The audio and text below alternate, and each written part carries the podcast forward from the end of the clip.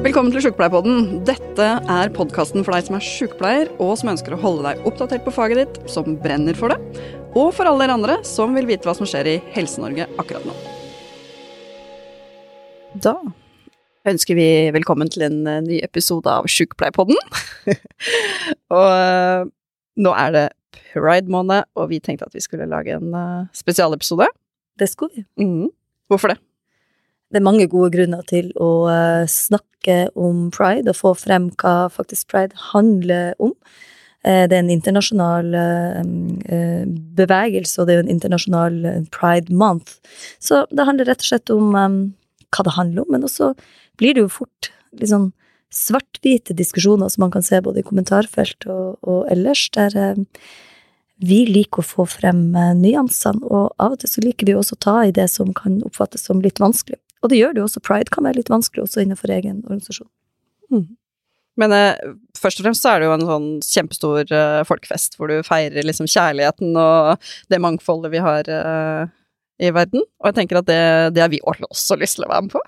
ja. Men det har vi jo vært med på sånn sett i, i mange år, også gjennom Norsk Sykepleierforbund. Så, eh, og så tenker jeg at litt av forskjellen er å um, fra å være en pride week, som det gjerne som, jeg, jeg, vet ikke, jeg hørte ikke så mye om det, i alle fall jeg er jo voksen opp i Tromsø, det var ikke så mye pride uh, der tidligere, så jeg, det jeg hørte om, var jo pride week mm. og Oslo. Og så har det jo spredd seg utover uh, landet, og i, i, i, Tromsø tror jeg faktisk det er 14. november. Men det er altså pride month, og de arrangementene er jo stort sett uh, i løpet av den, denne måneden, i juni. Mm. Og så prøvde jeg å bare lese meg opp uh, kort på hvorfor det var akkurat juni måned som liksom er den internasjonale måneden for pride. Og da fant vi ut at det går helt tilbake til 69, hvor det var et mm. opprør i, i, Greenwich Village. Mm. som, som, gjør at det er akkurat den måneden da hvor Politiet gikk inn i en, en, en bar, og det ble et stort opprør i lokalmiljøet der. Og så har man øh, gått videre, og det, man tenker at det er et vannskille i denne historien. Men det er der det kommer, for da er det én dag, og det er i slutten av juni, kanskje 28., eller noe sånt? Uh, ja, det kan hende. Det er faktisk ikke ja, Jeg tror ikke det er så viktig, men det er nå i hvert fall det som er liksom bakgrunnen for at det er blitt den internasjonale måneden, da, hvor man, man feirer samholdet, solidariteten, respekten, toleransen, uh, som er det som er bakenforliggende. Mangfold og likeverd og kjærlighet. Mm. Mm. Så bra. Og så tenkte vi at uh, vi har jo noen som er gode på dette ved organisasjonen vår. Så da inviterte vi med oss en fantastisk gjest som sitter på andre sida av bordet her og smiler. Mm, hjertelig velkommen, Dag Werner. Takk skal du ha. Du er psykiatrisk sykepleier. Ja. Nestleder i NSF Viken. Mm. Ja. Og så har du i mange år vært aktiv i, i den skeive bevegelsen. Ja, eh, jeg har jo vært med i forskjellige skeive organisasjoner i forskjellig grad. Alt fra FRI til gamle LLH, altså Landsorganisasjonen for lesbiske og homofile, til Skeiv Ungdom, til litt forskjellig. Har vært opptatt av, av skeiv politikk og mangfoldsarbeid, da. Både som sykepleier, men også altså, når jeg har drevet politisk virksomhet ellers, da. Mm. Og som er jo noe som ofte skeive må ta eierskap til, for at det kommer litt under radaren hos andre, og det skjønner jeg jo at det gjør. Um, men det er særskilt viktig at vi gjør det nå, tror jeg, for nå merker vi jo at den politiske debatten spisser seg. Uh, og på Unio-sendinga, Prides Unio-sending i fjor, så var jo lederen for, uh, for FRI som jeg nå glemmer navnet på, men det kan jeg jo komme på etter hvert. Jeg ser ham for meg, han er lærer, mm. medlem av Utdanningsforbundet. Uh, um, gjorde en kartlegging på negative kommentarer på, mot pride, og det økte med 500% fra 2021 til 2022. Så det sier noe om innholdet i den samfunnsdebatten, da, tenker jeg. Mm. Mm. Ja. Har det endra seg, tenker du? Du som har vært aktiv i bevegelsen i hvor mange år? Oi, jeg kom ut som homo da jeg var 14, men jeg ble nok ikke veldig politisk aktiv før jeg var sånn 16-17, tror jeg. Og det handla litt om hvordan vi snakka om skeive i seksualundervisninga, som jo var et godt forsøk, men, men både opplevdes som problematiserende og, og, skapte avstand. Altså, vi hadde en retorikk på 90-tallet, eh, sendt på 90-tallet, når jeg var ungdom, og, og tidlig 2000-tallet, um, som fortsatt omtalte skeive som en sånn marginalisert gruppe som sto utenfor. Mm. Men som alle andre eh, grupper, så er vi jo en del av samfunnet og i samfunnet. Vi er ikke utenfor samfunnet. Um, men det har absolutt endra seg. Både kunnskapen og bevisstheten og grupperingene Eh, før så var det nok veldig stort fokus på eh, lesbiske og homofile, og så var det nesten litt sånn, ja, nesten litt sånn benær tenkning der også. Enten så er det sånn, eller er det sånn. Mens nå har vi jo fått større bevissthet og større kunnskap rundt mm. seksualitet og rundt kjønnsmangfold. Um, og det er veldig bra, for det skaper mer inkludering og en mer nyansert, et nyansert bilde av hva er det å være skeiv, eller hva er det å være menneske. Mm. Uh, vi er jo mange heterofile som kan være litt skeive òg, på en mm. måte. Men det har også gjort at det, vi har fått større motpoler da, i den debatten, uh, fordi det provoserer. Og det um, Hver gang vi som samfunn har tatt et skritt nærmere demokrati, frihet, likestilling, likeverd, mm. så reagerer jo mange i samfunnet, og så blir det tøffe debatter. Og det blir jo mot, motargumentasjon om, om, motpoler. Sånn som vi så i likestillingsdebatten sant, på 60-tallet, sånn som vi har sett i kampen mot antirasisme eh, ja, altså, i all tid, men spesielt fra 80-tallet oppover. da eh, så er det jo sterke stemmer imot. Og det som er skummelt med de stemmene, er at noen av de er både akademiserte og teoretiserende, men det, i bunn og grunn så er det en verdidiskusjon om ønsker vi å gå sammen som samfunn, og hvem inkluderer vi i den bevegelsen, liksom. Og mm. Derfor er pride særskilt viktig, da. For jo hardere det blir, jo viktigere blir det. Mm. Uh, ja. Vi I Sykepleierforbundet så har vi jo heist regnbueflagget. Mm. Og ja. vi har um, Vi fikk det kjøpt her for en uh, par år siden, vi hadde det ikke før. Nei. To år siden. Mm. Så gikk vi egenhendig ut og kjøpte pride-flagg, sånn at vi kunne flagge. Ja, også, Det husker jeg vi snakka om, faktisk. Ja, ja. Ikke sant? Og så har vi endra eh, logoen vår, og så videre. Mm. Men hvorfor tenker du Eller hvorfor er det viktig for oss å gjøre? Ja, det, det, vi i Norsk Sykepleierforbund er jo òg i en prosess. Det er noe med Vi har jo egentlig ikke Vi har, vi har jo en politikk på mangfold og likeverd, og det ligger i yrkesetiske retningslinjer våre som sykepleiere. Men som NSF, som organisasjon, så har vi ikke hatt noen retningslinjer på hva er det vi markerer offisielt. Det er mange, mange internasjonale dager for, eh, for, mangt og meget som både kan og bør markeres, men vi har ikke egentlig noen retningslinjer, så det har blitt litt til mens man går mm. på hva man markerer. Og så har det vært gjort ulikt uh, utover landet også, ikke sant, sånn som i Oslo, NSF Oslo, fylkeskontoret Oslo har jo i over flere år feira og markert pride, mens det er det ikke alle andre fylkeskontor som har gjort. Så, så, så det ble i Når vi, denne perioden for vår del, så var vi jo veldig tydelige på at vi mener at vi skal markere pride som NSF, som helhet. Det betydde at vi ønska at det skulle være logoer som, eh, som, kunne byttes ut både som profilbilde til sykepleiere, at vi skulle sende det ut til sosiale medier til, så sykepleiere selv kunne bruke, men også som offisiell organisasjon, pluss flagg. Men det har vi da tidligere gjort den uka som har vært eh, Oslo Pride, eh, som er siste uka i, eh, i, juni. Og i fjor så var den på kommunikasjon, tror jeg, som da tenkte at da bytter vi det allerede 1. juni. Det var første gangen vi gjorde Så allerede ved overgangen fra mai til juni så bytta vi profiler i, i det sosiale mediet offisielt. Mm. Og da fikk vi reaksjoner på det.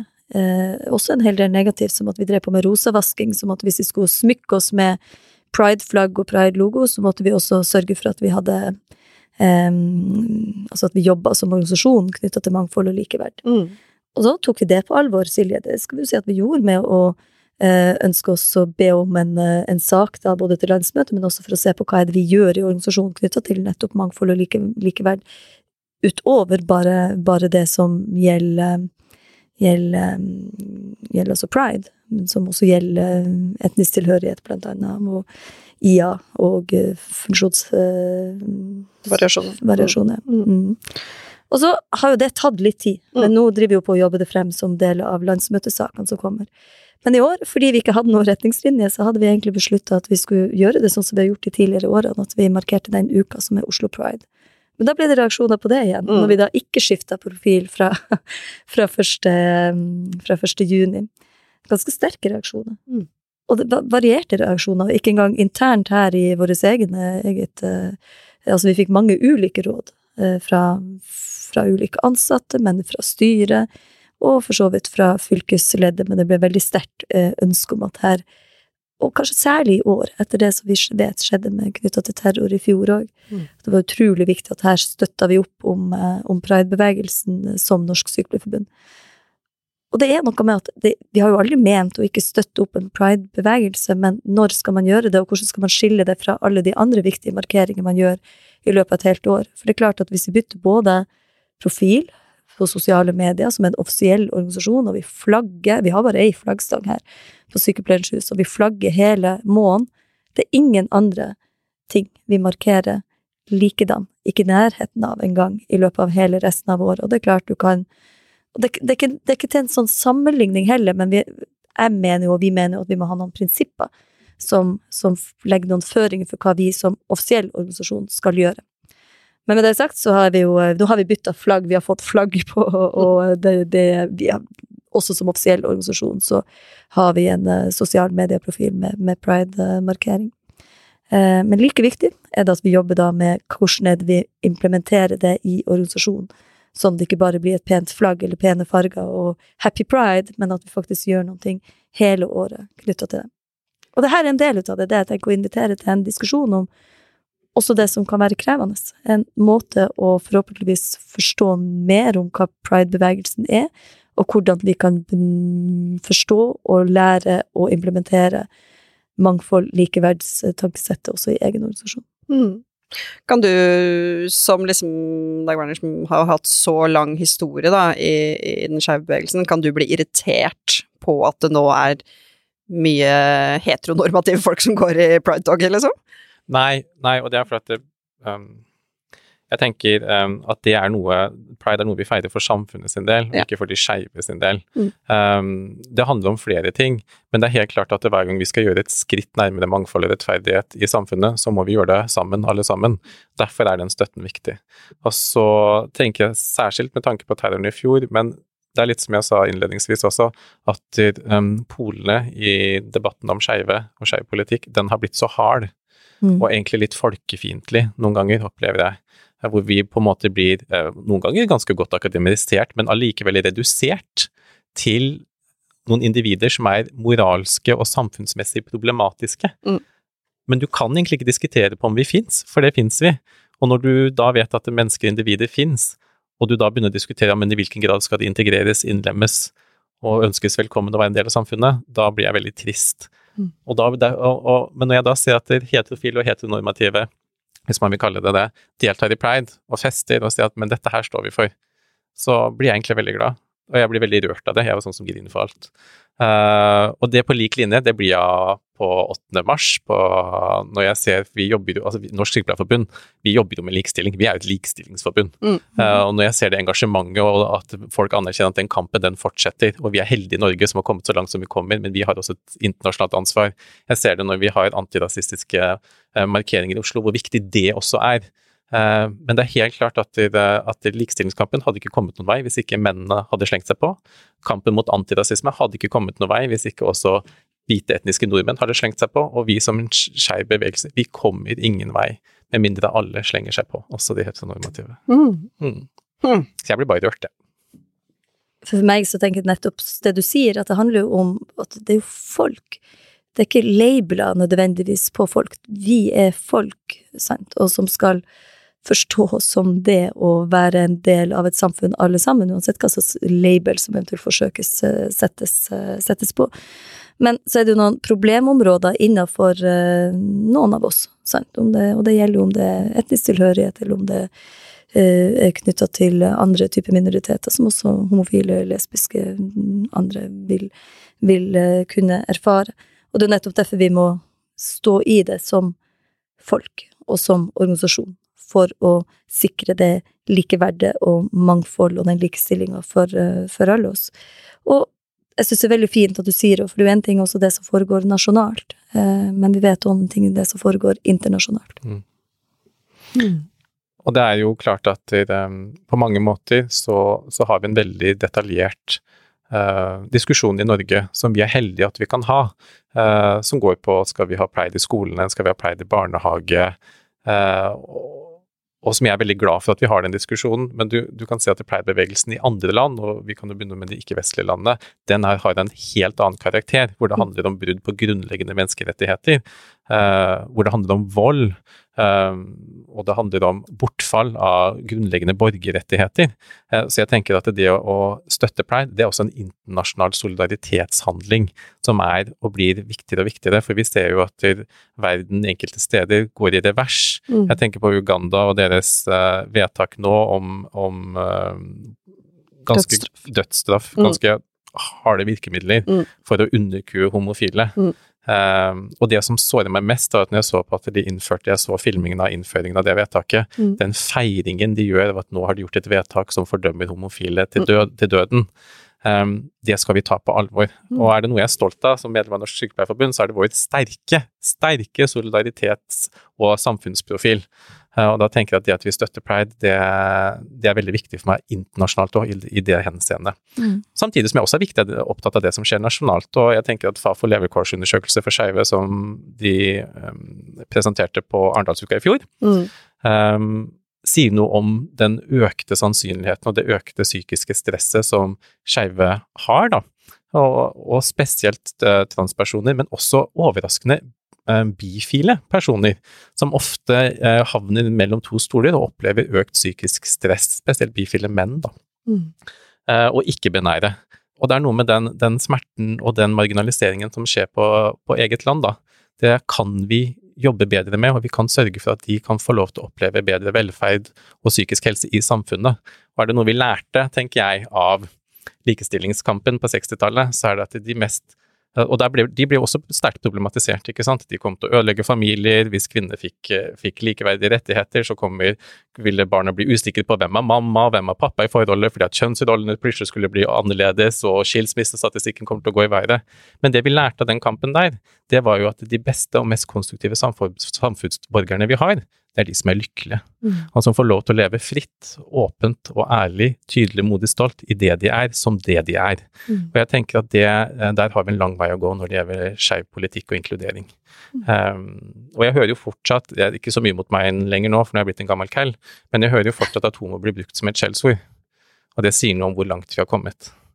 Ikke sant? Ja, for, for meg så er det um, kanskje litt overraskende hvor vanskelig det oppleves å være skeiv i Norge eh, fortsatt. Altså, jeg eh, hadde nok trodd at det skulle være enklere å, å komme ut, eh, og at, eh, som du viser til eh, levekårsundersøkelsen til Fafo, at eh, liksom, selvmordsstatistikken, psykisk uhelse, er så mye høyere da, i den skeive delen av befolkningen, kanskje spesielt transbefolkningen, enn det det er eh, hos resten. Hva Altså, det er helt sikkert sammensatt, men på hvilken måte kan vi som sykepleiere bidra til at eh, vi kan være, altså alle kan være seg sjøl? Mm. Veldig godt spørsmål. Jeg tenker at uh, uansett hvordan du stiller deg til, til skeive, om de er homofile, trans, lesbiske, ikke-binære, som er, er, noe som kom på banen nå nylig mm. Jeg var heller ikke så veldig bevisst de ikke-binære før det nå har blitt veldig aktualisert. Så er det De ikke-binære er da de som ikke identifiserer seg som verken kvinne eller mann? Takk, ja. det er helt riktig. Ja. De får jo, altså, opplever jo sterke motreaksjoner fordi at vi ting skjer veldig kjapt, mm. og det er veldig progressivt. Det er veldig bra, men det vil også skaffe reaksjoner, ikke sant. Og jeg tenker at Det som er viktig at vi som sykepleiere tenker på, det er uansett hva vi mener eller opplever sånn personlig, så er det jo pasienten det handler om. Mm. Hvordan har du det bra? Hvordan har du det som menneske? Og det viktigste vi kan gjøre, det er å være åpne og spørre. Det er vanskelig, det kan være et vanskelig landskap å bevege seg i. Det er mange terminologier. Det er mye som brått er politisk ukorrekt, eller politisk korrekt. Det skifter litt. Men sykepleierens sterkeste egenskap, det er jo nettopp å spørre, bli kjent med pasienten. Mm. Hva er dine behov, hva er viktig for deg, hva vil gjøre deg um, Eller hva vil hjelpe deg som, som, menneske, da. Og hvis vi har det som fokus, så er det et godt utgangspunkt. Mm. Men jeg tror ikke vi skal forvente at alle skal kunne skeiv politikk utenat og alle definisjoner, for det er ikke poenget. Poenget er hva er hva er det pasienten trenger, og hva er det mennesket trenger? Og at vi som Norsk Sykepleierforbund skal støtte opp om at alle skal ha så god psykisk helse som mulig, uansett hva vi måtte mene om dem fra et moraliserende standpunkt, selv om jeg har tanker om det òg.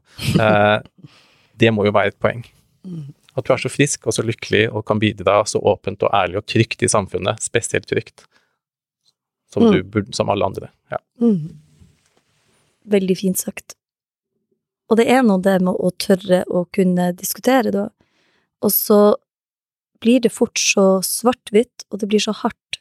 Også for min egen del, som når jeg da skifta mitt uh, Facebook-profilbilde over til en, uh, en eh, pride-logo, så får jeg som eh, Da får jeg Jeg får masse hjerter og gode tilbakemeldinger på det også, eh, men jeg får også de her som om at ok, da er jeg for alt det som FRI står for, organisasjonen FRI står for.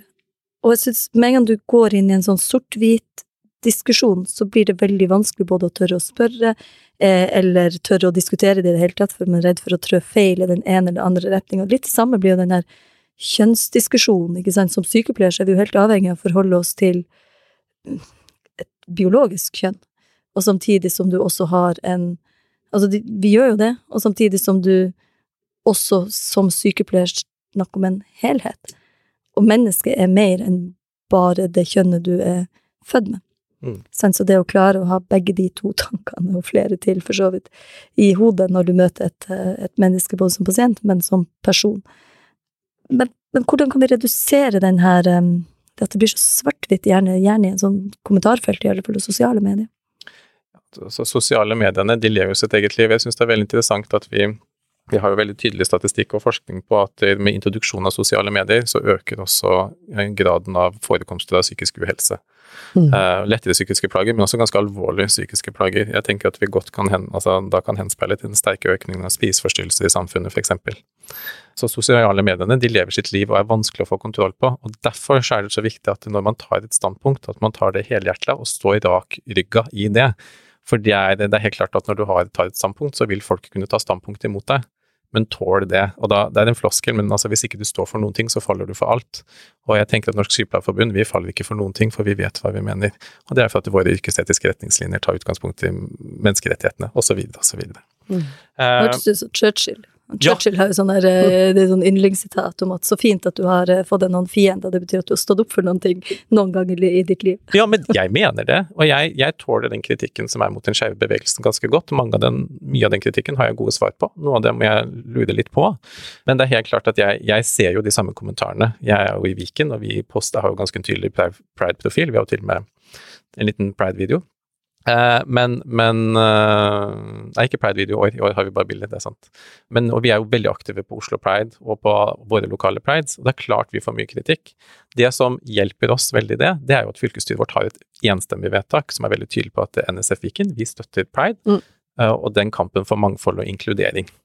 Og så tenker jeg at det er viktig, som du sier, å ta, ta, ha en bevissthet rundt at vi støtter pride både som bevegelse og som politisk, eh, altså som politisk solidaritetsarbeid.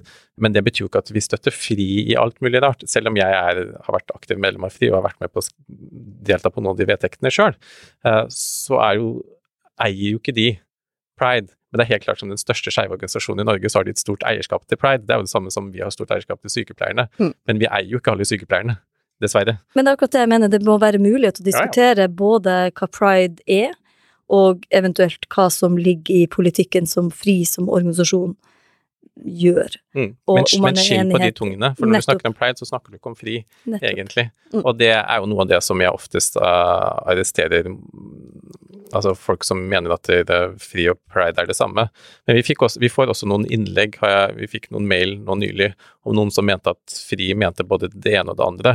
Og jeg kan både vedtektene og handlingsprogrammet til FRI ganske godt. Um, og er, du får noen stempler på deg fordi at du er skeiv politiker, eller skeiv politiker, at du er skeiv forkjemper, da, mm. uh, som bare ikke stemmer. Og jeg tenker igjen, dette for meg så blir det litt sånn whataboutism og litt sånn et desperat forsøk på å prøve å ta folk på noe. Ikke sant? Selv om du selv om du er for likestilling og for abort, så betyr du, betyr du ikke at du ikke er for eh, prevensjon og forebyggende arbeid. Selv om du er for antirasisme, så betyr du ikke at du ikke ser problematikken knyttet til, til eh, integrering og de utfordringene som er der. Selv om jeg er for den skeive bevegelsen og for et kjønns- og seksualitetsmangfold, så ser jeg jo noen utfordringer, og spesielt i helseperspektivet, eh, som vi må ta standpunkt til, og som vi bør gjøre kloke valg på. Og at det er klart vi skal diskutere det. Men vi diskuterer jo både kvinnehelse og tariffpolitikk og, og, fagpolitikk hele tiden. Og det er ingen som er tjent med et hardt debattmiljø, men det mm. debattmiljøet er i den skeive politikken har blitt så ufattelig hardt. Og det er for at de konservative kreftene er harde mm. uh, og ukonstruktive. Og noen ganger så er vi i den skeive bevegelsen like harde og også ukonstruktive. Men hvordan får man landa en sånn, når, det først har gått i taket, hvordan lander man en sånn debatt? Mm. Um, det som i hvert fall ikke hjelper, det er jo hatefulle ytringer og terrorhandlinger som skjer i fjor, det gjør oss bare enda mer offensive, defensive og harme. Mm. Um, ja. For kan vi ikke snakke litt om uh, 25. juni Ja. i fjor? ja, det kan vi. Uh, da var det et terrorangrep retta mot det skeive miljøet. Mm. London pub, som er en kjent eh, eh, sted for homofile i Oslo. Og hva heter den eh, nabopuben som kanskje var Per på hjørnet. Per på hjørnet, som kanskje ikke er så kjent for det, men som, hvor det også fordi det var pride, da. Ja, ja. Uh, uh, der var du den natta. ja, det stemmer. Den terrorhandlingen, den Mm. um, skjedde jo i hele Rosenkrantz gate, er Mm. den blir betegna som, både i rapporten og i, i, i vitneforklaringene, da. Men, men um, Og da har du, der har du liksom et sånt triangel med litt sånn skeive eller queer-friendly Mm. steder, da. Du har Mm. Cæsar, som er en del av det gamle Hotell Cæsar-bygget. mm. som er ganske skeivt. Og så har du Per på hjørnet, Mm. som egentlig er en gammel jazzpub, Ja. men uh, som nå også har blitt ganske skeivt. Og så har du London. Mm. Og der kommer jo da en mann som er blitt radikalisert. Og det å bli radikalisert, det handler jo også om utenforskap. Mm. Det å bli plukka opp. ikke sant? Det at noen som ikke burde få tak i deg, får tak i deg, får påvirka virkeligheten din. Og så skyter han inn mot noen folkemengder, både på Per på hjørnet og på London. Mm. Jeg var i, i øverste etasjen, i andre etasjen på, på London der. Eh, ved siden av en mann som ble skutt i hodet. Mm. Som jeg nå, eh, som nå er leder av noe som heter Støttegruppa 25.6, som jeg også er styremedlem i, hvor vi jobber med, med mm, den politikken knytta til rettigheten og ivaretakelsen av de terrorofrene. Og det, er, eh, det har vært et veldig viktig arbeid. Det er et veldig viktig arbeid. Vi skal kartlegge nå blant de berørte hvordan de opplevde det, hvordan de har det, hvilken oppfølging de har fått, hvilken tillit de har både til helsevesenet og til politiet. Så det er en veldig, et veldig viktig arbeid, og vi har fått god støtte både hos eh, helseministeren og, og kulturministeren, og ja, Oslo kommune har støtta også. Så det er utrolig viktig, men også et veldig sårt arbeid. Mm. Hva, hva gjorde den hendelsen med det skeive miljøet? I opptaktene til Pride 2021 så var vi alle klar over hvor mye hardere diskusjonen og debattmiljøet var. Vi Mm. kjente på den på det hatet. Vi kjente også på kjærligheten, men vi kjente noe på den der motforestillingen. Den, jeg har ikke noe annet ord for den hat. Mm. Eh, jeg syns også å registrere at det var flere angrep på skeive, altså i avisene. Flere som hadde, ble banka opp, rett og slett, fordi de gikk til og fra skeive arrangementer og var tydelig skeive, hva enn det var. Og når den terrorhandlingen skjedde, så fikk vi på en måte bekrefta at ja, det er nok sånn. Det er hardere, og vi er nok mer i fare enn det vi var før. Mm. Um, og det er en frykt som, som setter seg, um, og gjør deg kanskje redd for veldig mye, men gjør meg, gjør det først og fremst meg veldig, veldig, veldig lei meg. Uh, fordi det gikk så bra så lenge. Jeg så utvikling, jeg så at vi fikk mer nyansert debatt, jeg så at vi fikk opp flere problemstillinger jeg selv ikke var klar over. Og nå blir vi på en måte slått så hardt ned, da. Og så leser jeg i år at uh, Pride-markeringen for barn til Røde Kors i Bergen får altså så sterke trusler at de velger å ikke avholde det. Mm. Eh, Vi leser i, i 25. juni-utvalgets rapport at det, angrepet kunne vært avverget. Det er en del såre ting som kan hende jeg begynner å grine litt, men det er en del såre ting som kommer opp, for jeg tenker at dette her var jo ikke den verden jeg kjempet for, Mm. og det er ikke dette her øh, Det var ikke sånn det skulle gå. Og så har jeg troa på at vi klarer å få ordne opp i det, men det er jo ikke sånn her det skal være. Og noe av grunnen til det er det harde debattklimaet. Mm. Det at du presser folk ut i motpoler, at du, du mm, gjør det så hardt at folk bare tenker nei, nå må de bare, må de bare få, få seg en lærepenge. Mm. Uh, og det er veldig vondt. Mm. Og det er jo det var helt forferdelig å høre, og vi, vi prates jo masse i fjor. Jeg husker, husker godt den opplevelsen av å skjønne at du var en, en, en av dem som, hadde, som sto i dem. Mm. Du med flere, selvfølgelig, og heldigvis du som sykepleier også, som var, hadde muligheten til å være, være der og redde liv, Mm. egentlig. Også i den situasjonen. Vi i Norsk Syke Sykepleierforbund, vi, eh, vi skulle, for det første skulle vi nå ha årsmøte i Norsk Sykepleierforbund student. Eh, samtidig så var vi samla en, en drøss med sykepleierstudenter som skulle gå i eh, pride-markering og i tog her. Men vi åpna, vi åpna jo opp her, da, eh, Sykepleierens hus, for å kunne møte folk og prate i lag og se på hva er det vi kan gjøre videre.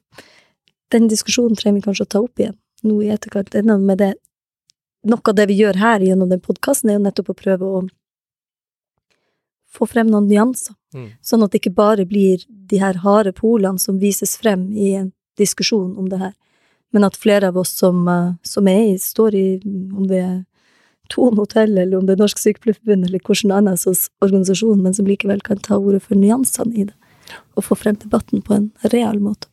Ja, og det tror jeg, jeg tror det er viktig at vi er rause i den diskusjonen. Det er klart det er noen ting um, skal vi ikke tåle. Det er i, i, kampen for det tolerante må vi være intolerante for utoleranse. Syns jeg er et ganske godt uh, argument. Men allikevel så skal vi være rause nok til å kunne ta de, nei, de problemstillingene som kommer på alvor, da. Men jeg tenker at tonen var jo kanskje særlig ukloke, fordi at det, hvis man har litt sånn samfunnspolitisk gangsyn, så ser du at fordi at motpolene er så harde, fordi at debattklimaet er så hardt, så er det utrolig viktig å ha det politiske budskapet å støtte pride. Men det å ikke støtte pride, eller vente med å støtte pride, eller problematisere sterkt å støtte pride, det er også et budskap. Ikke sant? Det har det blitt, og det tenker jeg at da må man gjøre noen kloke valg. Men det er helt klart at du kan støtte Pride og samtidig problematisere noen av de tingene som kanskje enkelte organisasjoner øh, kan ha, da. Det er jo ikke så veldig lenge siden vi hadde første opptreden av Frp på Pride, f.eks., som syns at det har vært vanskelig. Og jeg er helt sikker på at det, har vært en tøff diskusjon, at de ikke støtter alt Pride står for, men at de sier at mangfold og inkludering er fortsatt viktig i grunnprinsipp, det er liksom Det er et veldig sterkt tegn, tenker jeg. Mm. Um, og, og, så kan vi ta diskusjonen derfra. Um, men jeg er ikke i tvil i min sykepleiersjel om at vi er for at alle skal ha det godt, at alle skal ha, kunne leve tydelig, modig og stolt, som jeg liker å si, og ikke minst at vi skal jobbe for at folk kan ha god psykisk helse, og dessverre så er det også snakk om fysisk helse, ikke sant. Én ting er fordi de henger sammen, men fordi at også folk får direkte juling og blir begått grov vold mot fordi de er skeive, trans, ikke-binære, bifile, ja, osv. Den uh, diskusjonen som har kommet i etterkant av uh, 25. juni i fjor, uh, hvor vi Jeg, jeg merka meg at du nevnte alle disse ministrene, men ikke justisministeren. Mm. Uh, hun har vært uh, veldig Emilie Enger Mehl har også vært veldig avholdende med å bruke ordet terror. Hun har faktisk ikke brukt det fortsatt, og sier at det er ikke, det er ikke mulig for henne å kalle dette terror. Og det har jo uh, avstedkommet veldig sterke reaksjoner. Hvordan tenker dere Nå, nå blir du litt sånn støttegruppa som du også sitter i her, men uh, ja, eh, det er jo litt artig at du nevner henne, fordi at lederen vår, Espen Evnjet, som er tilfeldigvis han Callen som ble skutt i hodet, og som jeg har fått et veldig nært forhold til, mm. som er en ordentlig fin fyr, eh, han har møte med Inger, med i, i dag. Ja. Mm. Uh, på Stortinget, så har um, Det blir veldig spennende å se hva som kommer ut av det. Jeg synes jeg er utfattelig skuffa, mm. først og fremst. Uh, fordi at det er så tydelig standpunkt til at hun ikke har lyst til å problematisere det som terror. Mm. For det å ha en konkret terrorhandling mot en bestemt gruppe, det sier noe om bevissthetsnivået som norsk offentlighet, og spesielt beslutningstakerne våre, må ha knytta til den gruppa. Og den bevisstheten ønsker hun ikke å ta ansvar for, eller å ha. Uh, hun sitter i regjering sammen med Arbeiderpartiet, som har et sterkt homonettverk, og som er er eh, ganske tydelig på sin skeive politikk og sin inkluderende politikk, og jeg syns det er skuffende at ikke hun kan ha bedre gangsyn enn det hun har. Mm. Uh, jeg skulle gjerne brukt sterkere ord på det enn det jeg gjør nå, men er, jeg har ikke noe, noe, altså noe, noe, bra ord annet enn skuffa. Um, og spesielt fordi at det å kalle det en masseskyting framfor en terrorhandling, det det, da undergraver du at dette her handler om debattklimaet vi har i dag. Det handler om samfunnsutfordringen vi har med at de skeive ikke er inkludert, at de opplever vold, at de faktisk trenger ekstra innsats fra samfunnet, fra Norsk Sykepleierforbund, men fra, fra regjeringshold også. Um, og det har hun bare ikke lyst til å ta en del, del i. Og det for meg er en utrolig tydelig politisk beskjed. Ja, for jeg tenker at det er jo litt i, liksom i samme gata som det tonen gjør? Ja. når du sier sånn nei, vi, vi, har ikke noe standpunkt til dette, vi, vi, vil være nøytrale, vi vil ikke såre noen, men det er også, som du sier, å ta standpunkt, da. Mm. Og så sitter det jo en regjering som eh, Jeg hørte statsministeren eh, når han var på Tynset på Fjellpride, han var ikke Han la ingenting imellom, han kalte det terror. Mm. Og at det kan være en regjering med så ulikt syn på en sånn hendelse, det men, men, det er egentlig de, de, diskusjonene jeg har lyst til å få frem, uten at det blir så hardt. For der blir det ofte som forstått som at enten så er du med, eller så er du mot. Og jeg tenker nja, jeg skjønner, og jeg ser at et standpunkt er det å velge å ikke gjøre, eller gjøre som Emilie Enger Mehl her, da, og ikke ta det, ikke kalle det terror. Men samtidig, da bør det være mulig å diskutere det på en ordentlig måte, så man kan rydde i hva er det det handler om. For det er ikke nødvendigvis sånn. Man kan ikke sette to strek under svaret at da er man mot pride, heller. Og det er det jeg mener som gjerne blir gjort i et sånt kommentarfelt, at hvis det blir stilt noen spørsmål som er kritiske, eller hvis man sier at nei, vet du hva, jeg, jeg føler meg ikke klar til, eller jeg vil ikke, eller ønsker ikke, mm. så er det mot. Da blir det umiddelbart den tilbake. Og da er det noe med ei konflikttrapp som vi har prata om før, Silje, i mm. diverse podkaster. Altså hvordan steg kan man ta for å redusere den konflikttrappa på uansett part? Mm. Jeg tror nok det også handler litt om forventningene i, til debatt, da, eller i debatten. For um, jeg har nok et inntrykk, tror jeg, av at um, det er svært få som er nøytrale, liksom, i utgangspunktet. Altså sånn genuint. De fleste har en mening om det. Um, og det jeg tenker at, at Ton gjør uklokt når de sier nøytrale, for de har ikke lyst til å fornærme noen, så sier de at de, uh, For vi har uh, Det er et rent sånn kapitalistisk insentiv, for vi har fortsatt lyst på pengene til de som er imot uh, den skeive bevegelsen. Og da mister du ganske mye samfunnskredibilitet hos meg, altså. Um, det er pinkwashing, ikke sant. Selv om de da ikke flagger, men, men de sier at vi er nøytrale. Nei, da er du egentlig ikke nøytral. For da sier du at det er pengene som rår, og så vil vi heller ha de enn at vi vil ta et standpunkt. Uh, men de som Jeg vil jo applaudere Ton til slutt. De tok uh, tilbakemeldingene, og så endra de mening. Og så håper jeg at det at de flagger, og at de måtte endre mening, det gjør at de faktisk har et bevissthetsarbeid i egen organisasjon. Um, men justisministeren må ta en holdning til det. Eh, det er mange av oss som kan si at ja, det syns vi er vanskelig, jeg syns pride er vanskelig. Jeg skjønner at mange syns at pride er vanskelig. Derfor er det viktig at vi både snakker om grunnlaget for pride, innholdet i pride, kunnskapen bak pride. Eh, um, når du nevner opprøret i 1960, som kalles for Stonewall-opprøret, 1969, så mm. er det altså da ja, det var en, et folkeopprør, men ingen døde. Mm. Uh, og det var rett og slett skeive som sa at vi orker ikke å bli underutviklet lenger. Mm. Mm. På en, altså en, Med en aksjon, men på en relativt fredelig måte, da, hvor ingen døde. ikke sant? Mm. Men justisministeren vår er en av de få menneskene i landet som ikke kan velge om hun skal ta stilling til det. ikke sant? Og jeg tror nok hun har nok ikke noe annet valg enn å støtte pride, men det å aktivt si at dette er en masseskyting framfor en terror. Jeg vil ikke kalle det en terror. Da tar du hensyn til den gruppa som har blitt sterk, sterkest ramma av den terroren. Og da Jeg kan ikke redegjøre helt for de tankene hun har knytta til det, men for meg så er det en tydelig beskjed fra en justisminister som skal håndtere den terroren, og har fått en rapport i fanget. Um, rett før pride nå skal feires på nytt i våre egne bakgater, som heller ikke er uproblematisk, ikke sant. Mm. For det er en del bekymringer knytta til det. Er du urolig selv? Ja, Absolutt. Det har, vet du hva, det jeg lurt lenge på hva jeg skulle si på når folk spør meg, men ja, det er jeg. Mm. Fordi at vi vet at det, vold avler vold. Og jeg tenker at det, mange syns nok at uh, mange som er marginaliserte, kan nok finne inspirasjon i den terrorhandlingen, og det er jeg redd for, og det skal vi ta utrolig på alvor. Samtidig så vet vi gjennom all, igjen likestilling, um, antirasisme, at hvis du, hvis du ikke opprettholder ytringsfriheten din, hvis du ikke opprettholder kampen din, hvis du ikke opprettholder kampanjen din, så skjer det ikke noe. Det er, aldri, det, det er, det er rett etter en terror at nettopp det arbeidet blir så viktig. Men da er det nettopp etter terror at det arbeidet er så sårt og så vanskelig og så skummelt. Det har en utrolig grunnleggende effekt på folk. Ja. Men det er enda viktigere akkurat i år at, uh, at, det er flere som stiller opp på de arrangementene som er. Absolutt. Over hele landet. Mm. Når uh, dette skjedde i fjor, så ble jo pride-arrangementet avlyst, rett og slett. Det, men det, det, var jo Det var noen som ikke lytta til politiets råd, og så var det allikevel en, en, en pride-parade. Mm. Um, jeg hadde gode venner som gikk i den uh, ulovlige pride-paraden, for å si det sånn. Um, og det syns jeg var kjempe, kjempe, kjempeskummelt. Jeg kan bare tenke meg den følelsen av å Men så utrolig tøft gjort, da. Så skal ikke jeg si at det var smart eller noe som helst, ikke sant. De hadde jo fått et veldig tydelig råd fra politiet om å ikke gjøre det, men at de allikevel gjorde det fordi det var så viktig mm. uh, for dem. Det tror jeg også sier noe om uh, Altså den pride sin betydning uh, for det skeive miljøet. Mm. At det faktisk er liksom samholdet og det å få lov til å vise fram og være sammen, eh, gjør at du er villig til å risikere å bli utsatt for eh, terror, rett og slett.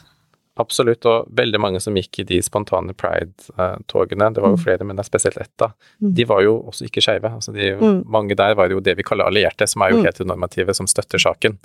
Um, sånn som vi som sitter rundt bordet her nå, nå er jeg homo, da, men dere er jo det jeg vil kalle allierte, ikke sant. Mm. Um, og det det sier noe om, én ting er at du støtter skeive, men det det sier noe om at vi også reiser oss opp for demokratiet Mm, når nettopp. noe slår ned.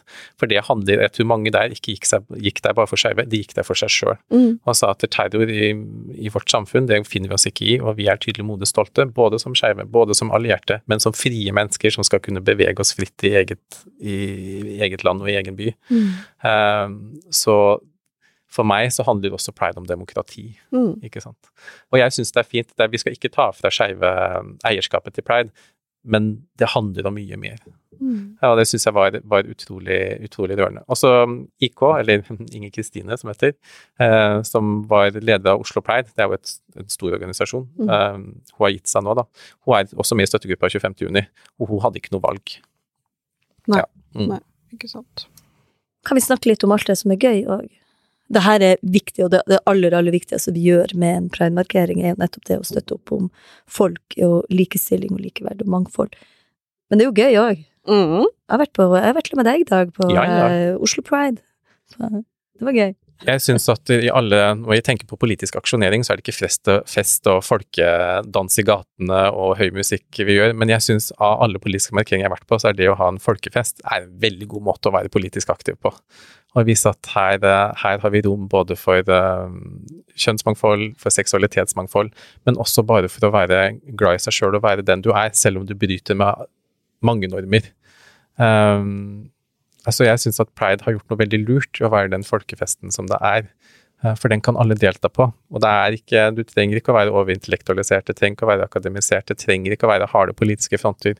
Du kan bare være et menneske som er glad for å være med sammen med andre mennesker som er fri. Det er jo NSF Oslo sitt trommekorps som har deltatt i, i årevis i, i paraden. Og der spiller ikke sant, Normalt sett så har du liksom NSF Oslo og trommekorpsene våre som er veldig sånn liksom militant i måten de trommer på. Eh, når vi gjør andre ting. 8. mars og så videre. Men serr, det er sambatromme.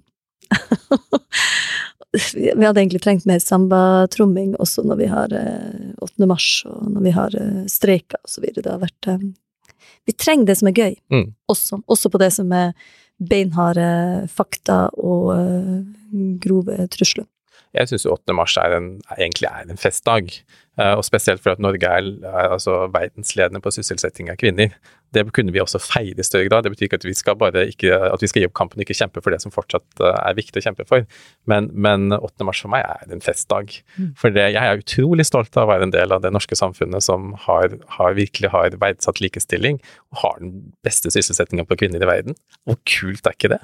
Og når vi da har, har eh, politikere som, som sier at sysselsetting av kvinner er minst like viktig som, som uh, oljenæringa, eh, det er kult, altså. Det viser også hvor, hvor viktig det likestillingsarbeidet har vært. Og jeg er stolt når Store Trommekorpset går i pride, fordi det viser tilknytningen til likestillingsarbeidet for meg, da, og til pride.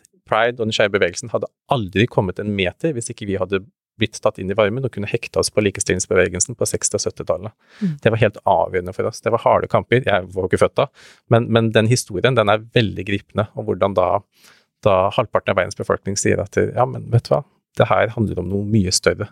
Det handler om å, at det er lov, og du skal ha alle like muligheter, selv om du ikke er en hvit. Mm. Og det, ja, så jeg, pride og likestillingsbevegelsen, det er veldig to nære ting for meg. Ja. Det er uh, sånn at vi oppfordrer selvfølgelig alle medlemmene våre til å være med og gå markere pride. Det syns vi de skal få, få lov til å være med på festen, liksom uh, kjenne på kjærligheten og mangfoldet. Og så har vi jo mulighet for uh, de som er tillitsvalgte og sånn, som å endre til regnbuelogoer på sosiale profiler. Vi har heist flagget. Vi har T-skjorter. Vi har T-skjorter, ja. Dere i NSF Viken har det kanskje? Ja. NSF Viken og NSF Oslo. Kommer du innom Oslo Pride og er medlem av Norsk Sykepleierforbund, så får du en T-skjorte av oss. Ikke sant? Og vi står i uh, Vi har nøkkelbånd. Og vi har Og vi har nøkkelbånd, ja. Og vi står i Pride Park i Oslo, og Ja. det har vært arrangementer rundt omkring i hele landet, hvor, uh, og noe kommer til høsten også, hvor Sykepleierforbundet deltar. Mm. Vi skal ha en uh, debatt i Unio-regi eh, om mangfoldsarbeid og, i forbindelse med pride. Og eh, vi skal fortsette debatten. Ja, for det tenker jeg òg er viktig. Det å tørre å stille de spørsmålene. Kom gjerne til, til Oslo Pride og still noen uh, vanskelige spørsmål òg. Jeg vet mm. jo at Dag, Dag Werner her, han svarer gjerne på det. Fint og nyansert. mm.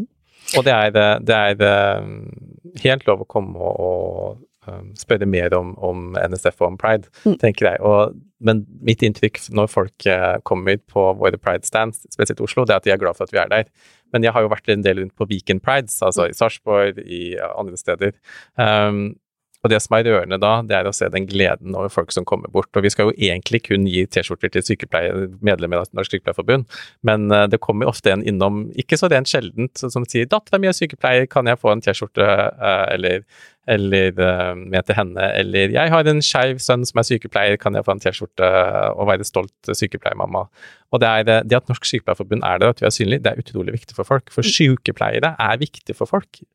Uh, og det blir jeg litt sånn rørt av. Mm.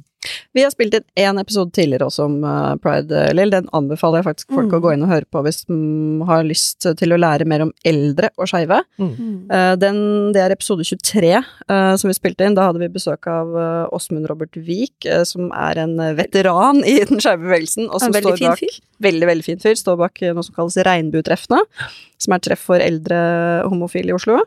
Uh, og så Janne Bromseth, som er forfatter av en bok som heter 'Veien til inkluderende eldreomsorg'. Mm. Og da snakka vi om det faktum at uh, en del skeive de går inn igjen i skapet idet de får uh, behov for helsetjenester i, i, eldre alder, og hvordan vi som sykepleiere kan møte det. Og så I tillegg så fikk vi en leksjon der av Janne om at det er ikke så forbanna vanskelig å lære seg hva LHBTQ pluss står for. Vi har klart å ta bachelorgrad og mastergrad og doktorgrad, så vi skal til og med klare de bokstavene. Så det har jeg huska etter det at ja, det kan vi faktisk klare å, å lære oss uh, også. Mm. Ja, og dere? Og så skal vi jobbe videre, selvfølgelig i Norsk Sykepleierforbund, eh, om eh, den politikken vi har for å nettopp at det ikke blir eh, bare et pent bilde eller en pen logo og en fin fest, men at vi gjør noen ting ut av mangfoldsarbeidet vårt her år. Mm. Fordi i enden av regnbuen er det en sykepleier bak mm. Ja, det er sant. Takk for det. Happy pride! Happy pride!